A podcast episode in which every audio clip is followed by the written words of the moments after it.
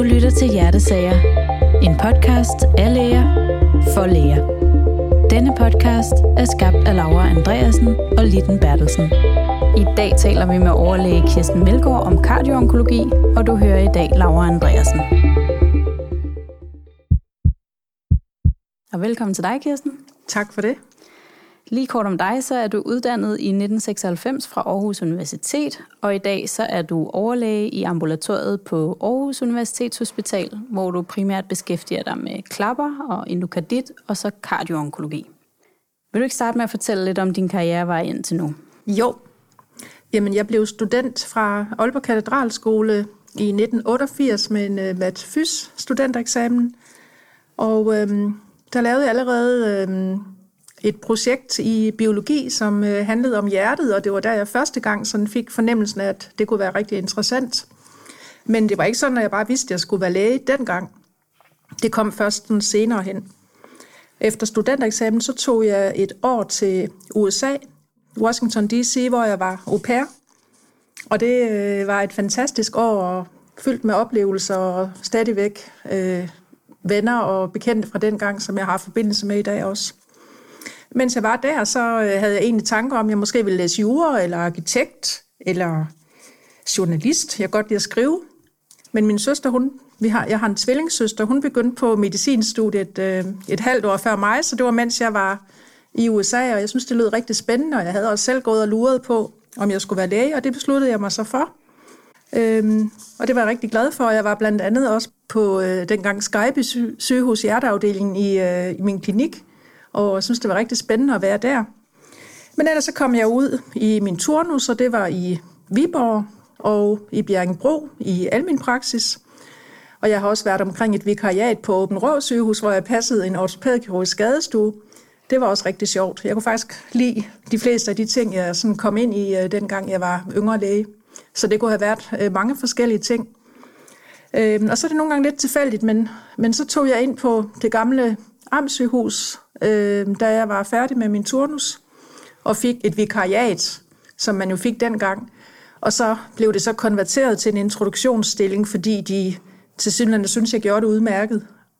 Og så mens jeg var i introduktionsstilling, så øh, kom jeg i øh, fold hos Ole Færgemand, og sammen med Mogens Lytken også, så kom jeg ind i sådan et lidt præventiv øh, phd projekt som omhandlede akut koronarsyndrom, og det er jo egentlig slet ikke det, jeg har beskæftiget mig med sidenhen. Men øh, det var sådan et epidemiologisk øh, studie, og det var en rigtig god tid og meget øh, spændende og meget lærerigt, synes jeg. Og meget inspirerende mennesker, som jeg kom i stald hos der. Men jeg fik også to børn under mit phd forløb så det tog lidt tid at blive færdig med det. Og så var jeg blevet lidt rusten, da jeg så endelig havde forsvaret min PhD, og så fik jeg et vikariat mere, og det var så nede i Vejle. Og dengang var jeg slet ikke begyndt at lave eko og sådan noget endnu. Det begyndte lidt, da jeg var i Vejle. Og så søgte jeg min hoveduddannelse, og den fik jeg. Og så startede jeg i Silkeborg øh, i hoveduddannelse to år, og der var de rigtig gode til at oplære en i øh, ekokardiografi med sådan parallelle øh, stuer. Og der synes jeg, jeg fik en meget god fornemmelse af eko. Men det var jo ret sent i øh, forløbet i forhold til nu om dagen, hvor man lærer eko nærmest, øh, når man starter det øjeblik på en kardiologisk afdeling. Men så fik jeg øh, et barn mere under min øh, hoveduddannelse i Silkeborg, så det var sådan lidt afbrudt. Og så startede jeg endelig i 2009 på Skype sygehus, og det var jeg lidt nervøs for, fordi jeg havde aldrig rigtig været der før, og jeg havde hørt meget om, hvor, hvor dygtige de var der, og det var lidt en anden tilgang, man havde på det gamle Aarhus Amtssygehus og, og de non-invasive centre. Og jeg havde hørt de der rygter om, at når man skulle lave eko, så øh, var der sådan nogle skærme uden for ambulatoriestuerne, hvor Henrik Egeblad, han sad og lurede på ekoerne. Og så, når han så et eller andet, enten man gjorde forkert, eller også han så et eller andet rigtig spændende, for eksempel en stor ekskrescens eller en rødabscess eller sådan noget, så kom han lige ind på stuen og kiggede med. Så skulle han lige sikre, at man gjorde det ordentligt. Men han var jo faktisk rigtig sød, og jeg fik et fint forhold til øh, Henrik Egeblad. Men, men det var lidt angstprovokerende at skulle starte da, synes jeg også, at have de der bagvagter i huset. Jeg kendte dårligt nok huset, så jeg blev kastet lige ud i at have bagvagt. Der var ikke noget med at prøve det af først. Men jeg blev rigtig glad for at være der, og synes, det var et fantastisk sted, og både lære og kollegaerne, og ja, stemningen og det faglige selvfølgelig øh, først og fremmest. Og så blev jeg så speciallæge i, øh, i 2012, og jeg har jo så været på, øh, på Skype siden 2009, hvor jeg startede i hoveduddannelse. Og jeg har ikke været derfra endnu, og det håber jeg da heller ikke, jeg kommer. Og øhm, jeg blev så begejstret for, for ekokardiografi, at det faktisk er det, jeg beskæftiger mig mest med. Så jeg arbejder med klapsygdomme og endokardit, og så har jeg også taget øh, området med kardioonkologi øh, på mig de senere år. Og det har jeg gjort efter, jeg blandt andet var en periode i USA på øh, MD Anderson, som siges at være verdens førende cancerhospital. De havde en hel øh, hjerteafdeling, som ikke beskæftigede sig med andet end øh, kardioonkologi. Og der fik jeg så sådan et ophold på tre måneder. Og det var også rigtig spændende. En typisk arbejdsuge for dig nu her, hvordan ser den ud? Jeg har sådan ikke en helt typisk arbejdsuge, fordi enten så går jeg stuegang, og det gør jeg syv arbejdsdage i træk, altså fra mandag til tirsdag ugen efter, hvor man så går, går på endokarditpatienter og på sengeafdelingen. Og der har jeg endokarditkonferencer, og så selvfølgelig ser alt det, der ligger på sengeafdelingen. Og det gør jeg cirka hver 5. 6. uge. Og så alle de andre uger, der er jeg så i ambulatoriet hvor jeg ser patienter og laver TE. Jeg har også øh, floater-rolle, det vil sige, at man superviserer yngre læger og render på kartlapper på TOP og kigger med under operationer og ser, om deres øh, mitralklapper er lavet ordentligt, og ind på TE-stuerne og servicerer HU-lægerne, øh, telefoniske øh, henvendelser fra praktiserende læger, hvis de har det EKG, de er i tvivl om, eller hvad de nu har. Øh, og så visiterer man også, når man har den post. Plus at man superviserer øh, alle ekoteknikernes undersøgelser. Så det er egentlig en meget travl funktion, og man bliver egentlig kastet lidt rundt. Og så er der så de andre dage, hvor man ikke er floater, der ser man bare selv patienter. Det kan være øh, i det akutte ambulatorium, men det kan også være sådan de elektive spor, hvor man bare har øh, sine syv klappatienter, hvis man nu kan sige det sådan, og kører fra morgen til, til eftermiddag med dem. Så sådan er det lidt forskelligt, og det er jo, det er jo egentlig rigtig fint. Og så har jeg også lidt vagtfunktion, sådan øh, weekend stuegang og sen eftermiddag stuegang på akut hjerteafsnit, hvor vi ja, ser det, der nu måtte være, og, og kommer ind øh, og udskriver dem, der skal udskrives, og tager stand på forskellige ting, og også superviserer de, de unge læger. Så jeg synes egentlig, jeg har et utroligt varierende øh, job, og det, øh, det synes jeg er dejligt. Jeg synes faktisk aldrig, det bliver kedeligt at, at, at være kardiolog. Det der med, at man kan komme med sit ekoapparat og udrede patienten og høre på, hvad deres symptomer er, og egentlig stille en diagnose ud fra ret få ting. Det er enormt tilfredsstillende. At lægge en plan og behandle dem og hjælpe dem, det, det synes jeg virkelig giver noget. Og så øhm, sammenholdet med sine kollegaer, og, og, og det man sådan kan udvikle sig med, med ekokardiografi og TE. Øh, man sidder ikke bare ved et skrivebord og, og sniksnakker. Øh, man kan hele tiden udvikle sig og blive, blive dygtigere til, til noget teknik. Øh, så det, det er faktisk noget af det, jeg holder allermest af i kardiologien. Blandingen af udredningen og så noget akut, og så samtalerne med øh, patienterne. Et af dine subspecialer er kardioonkologi. Ja. Og det skal vi tale lidt mere om i dag. Ja, jeg har så øhm, en dag om ugen i de uger, hvor jeg er i ambulatoriet, hvor jeg har øh, kardioonkologisk ambulatorium. Og så har jeg også øh, klapkonferencer og endokarditkonferencer. Det har jeg faktisk tit de samme dage også, så det er egentlig ofte kun om formiddagen, at jeg har de der kardioonkologiske spor, fordi så mange er der heller ikke. Og vi har jo gjort det på, øhm, på AUH, at ekoteknikerne de laver en, en simpel eko, hvor de vurderer EF, og selvfølgelig også kigger alle de andre ting efter, i stedet for murgascanninger, som bliver brugt de fleste andre steder i, i Danmark, og også mange steder i udlandet. Men den har vi skibet fuldstændig, og øh, det har vi fået op at stå med vores øh, kræftafdeling, og også øh, hematologerne, så det er de egentlig meget tilfredse med, fordi vejen til en kardiologisk vurdering er meget kortere, når det er en ekotekniker, der har scannet patienten. De er uddannede sygeplejersker og har kardiologisk indsigt, de snakker med patienterne, og har de nogle symptomer, jamen, så kommer de til en af os øh, læger i ambulatoriet, og, og vi går ind og ser patienten og snakker med dem. Øh, så det, det, det kan være en kæmpe fordel. Og vi fanger jo også ting, som ikke bliver fanget på en, en MOGA. Og så, så det er egentlig de fleste af patienterne, der kommer på ekoteknikernes spor. Så dem, der har nogle symptomer, hvor der ligesom er brug for en, en lægelig vurdering, eller øh, en plan for, kan de nu tåle at gå videre med kemo, eller skal de have et hjertesvigt øh, forløb, eller hvad skal de have af medicinsk behandling, øh, dem ser jeg på, på det spor, jeg så har. Og hvad er det typisk for nogle cancerpatienter, der bliver henvist der? Jamen, det er patienter fra, altså med brystkræft, det, det vil sige, at den, den største gruppe, øh, og det er jo også en stor gruppe af cancerpatienter, og så får de både antracyklinholdig kemoterapi, og de får trastuzumab, som begge to kan give øh, kardiotoxicitet. Så det er en meget stor del af patienterne. Og så ser jeg som, jeg vil sige, også en stor gruppe, dem der har fået øh, 5FU, det er sådan kolorektal cancer øh, blandt andet, eller dissemineret mammacancer, som får det. Og det kan give vasospasmer, så der er mange af dem, der bliver henvist med brystsmerter, hvor jeg ligesom skal give mit besøg med, om, om det er angina eller hvad det er for noget, og ofte så sætter jeg dem i en eller anden antiangenøs behandling, og så kan man få dem igennem deres øh, cancerbehandling øh, uden at holde pause. Øh, og det ser jeg faktisk som et af de vigtigste ting ved mit kardioonkologiske ambulatorium, at jeg kan hjælpe kræftpatienterne med at komme igennem deres forløb, uden at holde unødig pause med deres øh, kemo. Det er det, de frygter allermest, at vi ligesom skal sige, nej, du kan ikke tåle at få mere kemo, og så ved de jo godt, at så er løbet nok kørt mere eller mindre, og ofte så er der jo ikke andre behandlingsalternativer. Hvis der er det, så er det selvfølgelig en anden sag, og den drøftelse tager vi så ofte i samråd med onkologerne, om der er andre muligheder, fordi det er klart, at hvis EF er er meget dårlig, eller de har symptomatisk hjertesvigt, så kan man ikke fortsætte den behandling, de er sat i, hvis man tror, det er på grund af den behandling, at, at de har fået hjertesvigt. Men har de kun lige sådan et lille fald i EF til omkring 47 eller et eller andet, og de er asymptomatiske, så kan de som regel godt komme igennem deres behandling uden at holde pause. Men, men kræftlægerne er meget bekymrede for det, og vil gerne ligesom have, at vi tager ansvar for det og siger, jamen øh, vi følger dem og holder øje med det, og I kan godt fortsætte behandlingen. Så det, det er meget også den der med ansvaret, synes jeg, det, det handler om der.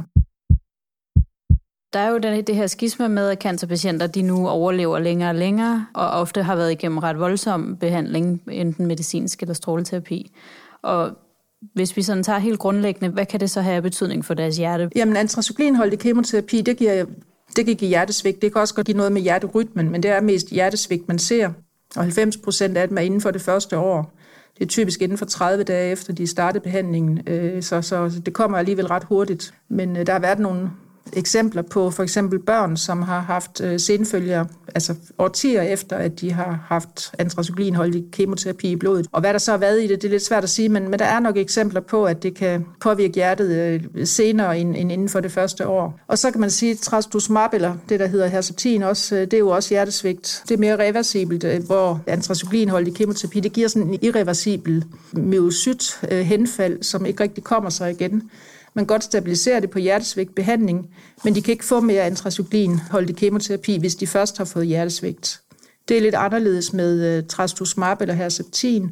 Der kommer pumpefunktionen så typisk igen, når man holder pause med behandlingen, og i hvert fald også gerne, hvis man opstarter hjertesvigtbehandling. Og så er der øh, nogle andre typer, for eksempel øh, immun checkpoint inhibitor, som er en forholdsvis ny behandling til blandt andet renalcellekarcinom og malin melanom. Det har forbedret overlevelsen eklatant for for eksempel malin melanom.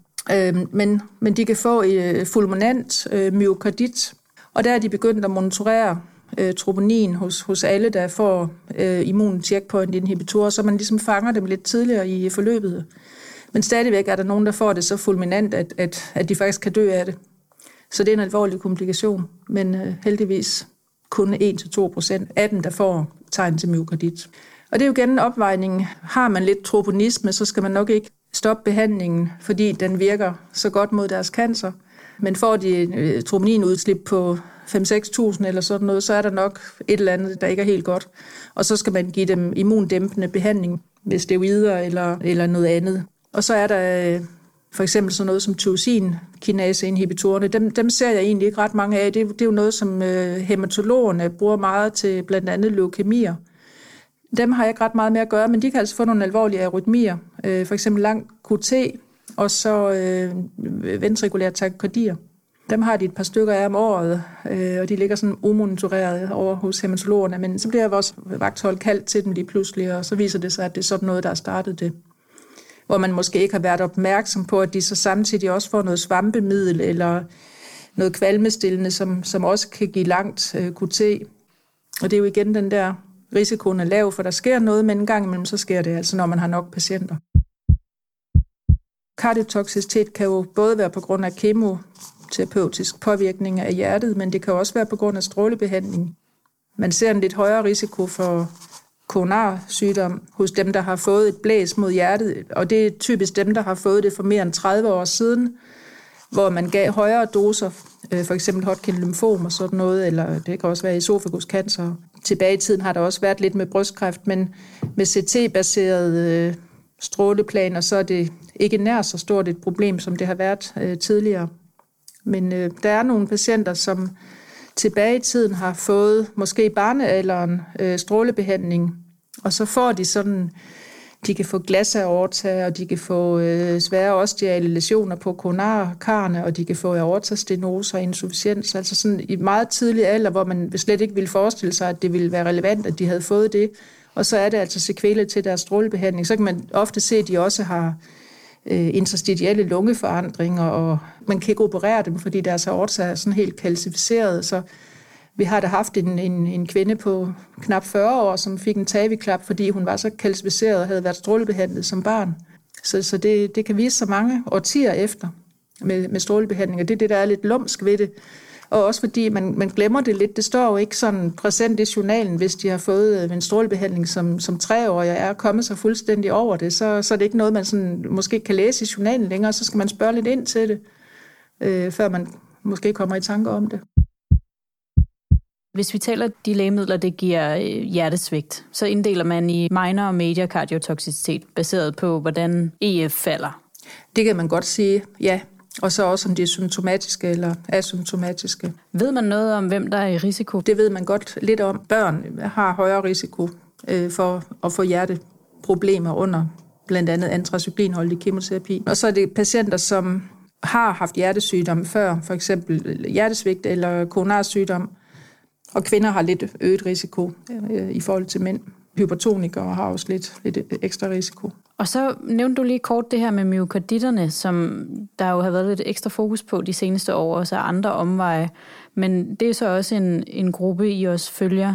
Ja, det, det har nogle, en, nogle stykker, som øh, kommer til øh, kontrol, efter de sådan har haft lidt troponinudslip, og måske lidt moren i brystet og sådan noget, og, og deres troponin kan ligge forhøjet i månedsvis efter sådan et forløb der, men, men hvor man holder øje med, om der sker noget. Vi laver også MR-scanning på dem, og, og, og prøver at vurdere, om det er myokardit, eller om det bare er sådan lige, måske lidt p-myokardit, som man kan have, uden at det betyder noget som helst, og de holder deres EF, og, og ingen perikardiek exudat osv., og så, så følger jeg dem over og ligesom bare siger, siger god for, at de kan fortsætte deres behandling. Og så er der de patienter, der bliver fuldt for AKS. Ja, altså de der fem FU-behandlede, der, der har nogle brystsmerter. Ja, og det er jo så det. Hvad ved man om de her øh, patienter? Er det AKS, eller har de type 2-infarkter? De har koronarspasmer, og, øh, og det kan de selvfølgelig få noget, der ligner et øh, myokardinfarkt øh, af. Øh, men, men laver man HCT på dem eller KG, så er der ofte ikke øh, nogen øh, trombotisk okklusion. Øh, så, så kan man se, at de har koronarspasmer, og, og man kan ofte få dem igen med at give protraheret nitroglycerin eller amlodipin eller sådan noget, og, og så letter det med de der spasmer. Patienter, som aldrig har haft brystsmerter før, som starter det der 5FO eller kapacitabine, og som så får, får trykken i brystet, det er ret oplagt, at det er koronarspasmer. Der er selvfølgelig også andre årsager. Det, det kan være brystkræftpatienter med dissemineret sygdom, hvor de har metastaser i, i lungerne eller i brystvævet, og det kan også give nogle smerter. Eller det kan være esofaguspatienter, som har reflux. Øh, det kan også ligne lidt anginøse brystsmerter. Ikke også? Så indimellem er det lidt svært at finde ud af, hvad der er hvad. Hvad gør man, hvis man øh, mistænker kardiotoksicitet hos en hjertepatient, som er i onkologisk behandling? Jamen, så øh, kommunikerer man med øh, onkologerne om det, om der er andre behandlingsmuligheder. Og øhm, så holder man måske pause med den behandling, de skulle have været i. Det, det kommer meget an på, om de er symptomatiske eller asymptomatiske. Hvis I alt over 40, hvor de er asymptomatiske, det er jeg ikke så bekymret for. Der vil jeg egentlig sige, øh, behandle dem, og så holder vi øje med dem. Altså ser dem igen om en måned eller sådan et eller andet. Øh, og så starter dem op i ramipril og øh, hjertesvigtforløb. Det, vi har sådan en, en aftale med vores øh, hjertesvigtklinik, at de får et accelereret hjertesvigtforløb, så de venter flere uger på det, fordi det er livsvigtigt for de her patienter, at de ikke holder pause med deres øh, kemoterapi i ret lang tid. Så vi skal have dem optitræret øh, lidt hurtigere end andre patienter. Så de får et ambulant forløb der, ja. og så er de primært onkologisk øh, patient? Ja, og jeg vil sige, at man skal lige huske det der med onkologer. De er altså onkologer, de er ikke interne mediciner, ligesom for eksempel hematologerne er. Øh, hematologerne er lidt bedre til sådan at tage sig af deres patienter hele vejen rundt. De kan godt lægge planer for væskerestriktion og dosis af vanddrivende, og måske også opjustere dosis af ACE-inhibitor, hvis vi beder dem om det, men det er svært at få onkologerne til det. Så var du også selv lige kort ind på det her med, at man monitorerer venstre ventrikelfunktion ved nogle af de her patienter, og det kan man både gøre med en MUGA-scanning eller en MR-scanning eller TTE, og I bruger så primært TTE. Ja. Øhm, og det øh, har du forklaret fordelene ved. Hvornår vælger man nogle af de andre? Altså MR-scanning vælger vi primært, hvis vi er lidt i tvivl øh, om, hvad genesen er. Det kan fx være nogle af de der øh, myokarditpatienter, der, der synes jeg, det er ret vigtigt, også fordi det er en ny behandling, at man, man får det bedre visualiseret, end man kan på øh, en eko, og se, om der er myokarditforandringer. Øh, og så kan det være nogen, hvor man gerne vil være meget detaljeret omkring øh, EF, men jeg vil sige, det er ikke, det er ikke, det er ikke noget, vi bruger meget bare til EF-vurdering øh, hos os. Så bruger vi mere 3D-eko og øh, GLS-vurdering og sådan noget, altså ligesom serielle øh, målinger, det giver utrolig god værdi, og auto-EF-vurdering og sådan noget. Så vi får det så objektivt øh, som muligt. Selvfølgelig er det ikke alle patienterne, hvor man kan lave tilfredsstillende billeder, og der kan der være nogen, hvor man så får lavet en MR-scanning for lige at se, er EF, er den 49 eller er den 37, ikke også? Det, det, det gør alligevel lidt forskel. Ikke? Så vi er i hvert fald meget godt tilfredse, og det er patienterne også med, at vi er skiftet over til eko. Øh, her får de svar lige med det samme, om øh, deres øh, eko er normal eller ej, om deres pumpefunktion er fin. Og der kommer altid en læge ind og snakker med dem, hvis der er noget, de er i tvivl om. Så det fungerer super godt, synes jeg. Er der noget, du vil ønske dine yngre kolleger var mere opmærksom på, når det gælder håndteringen af onkologiske patienter med hjertesymptomer? Altså, jeg vil ønske, at onkologerne var lidt mere opmærksomme på hjertesymptomer. Det synes jeg ikke altid, de er så gode til. Øhm, for eksempel, så kan man få henvist øh, patienter, som er tidligere bypassopereret, øhm, og der står ingenting om det i journalen. De overhovedet ikke har fokus på det, og patienterne går måske og døjer med angina, eller øh, er forpustet, eller sådan et eller andet, hvor, de slet ikke har fokus på det. De har fokus på bivirkninger til kemo og sådan noget med, med kvalme og træthed og Selvfølgelig er der også rigtig mange dygtige onkologer, der, tager, der, der spørger ind til de ting, men, men det synes jeg måske godt, man kunne ønske, at de havde lidt mere fokus på.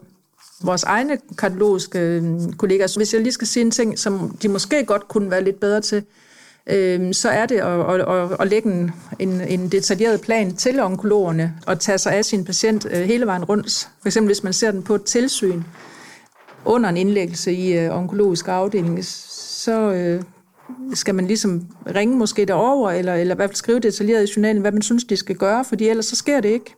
Øh, og også selv bestille, hvis man gerne vil have målt en pro-BNP. Det, det gør de heller ikke. Øh, så, så, så man er nødt til sådan at være øh, lidt mere ops på, at tingene faktisk bliver gjort. Guidelines for kardioonkologi, de er jo noget gamle. De er fra 2016 fra ISC. Ja, der kommer faktisk en, en ny. Den er ved at blive udarbejdet, den sidder jeg faktisk også med i skrivegruppen øh, af.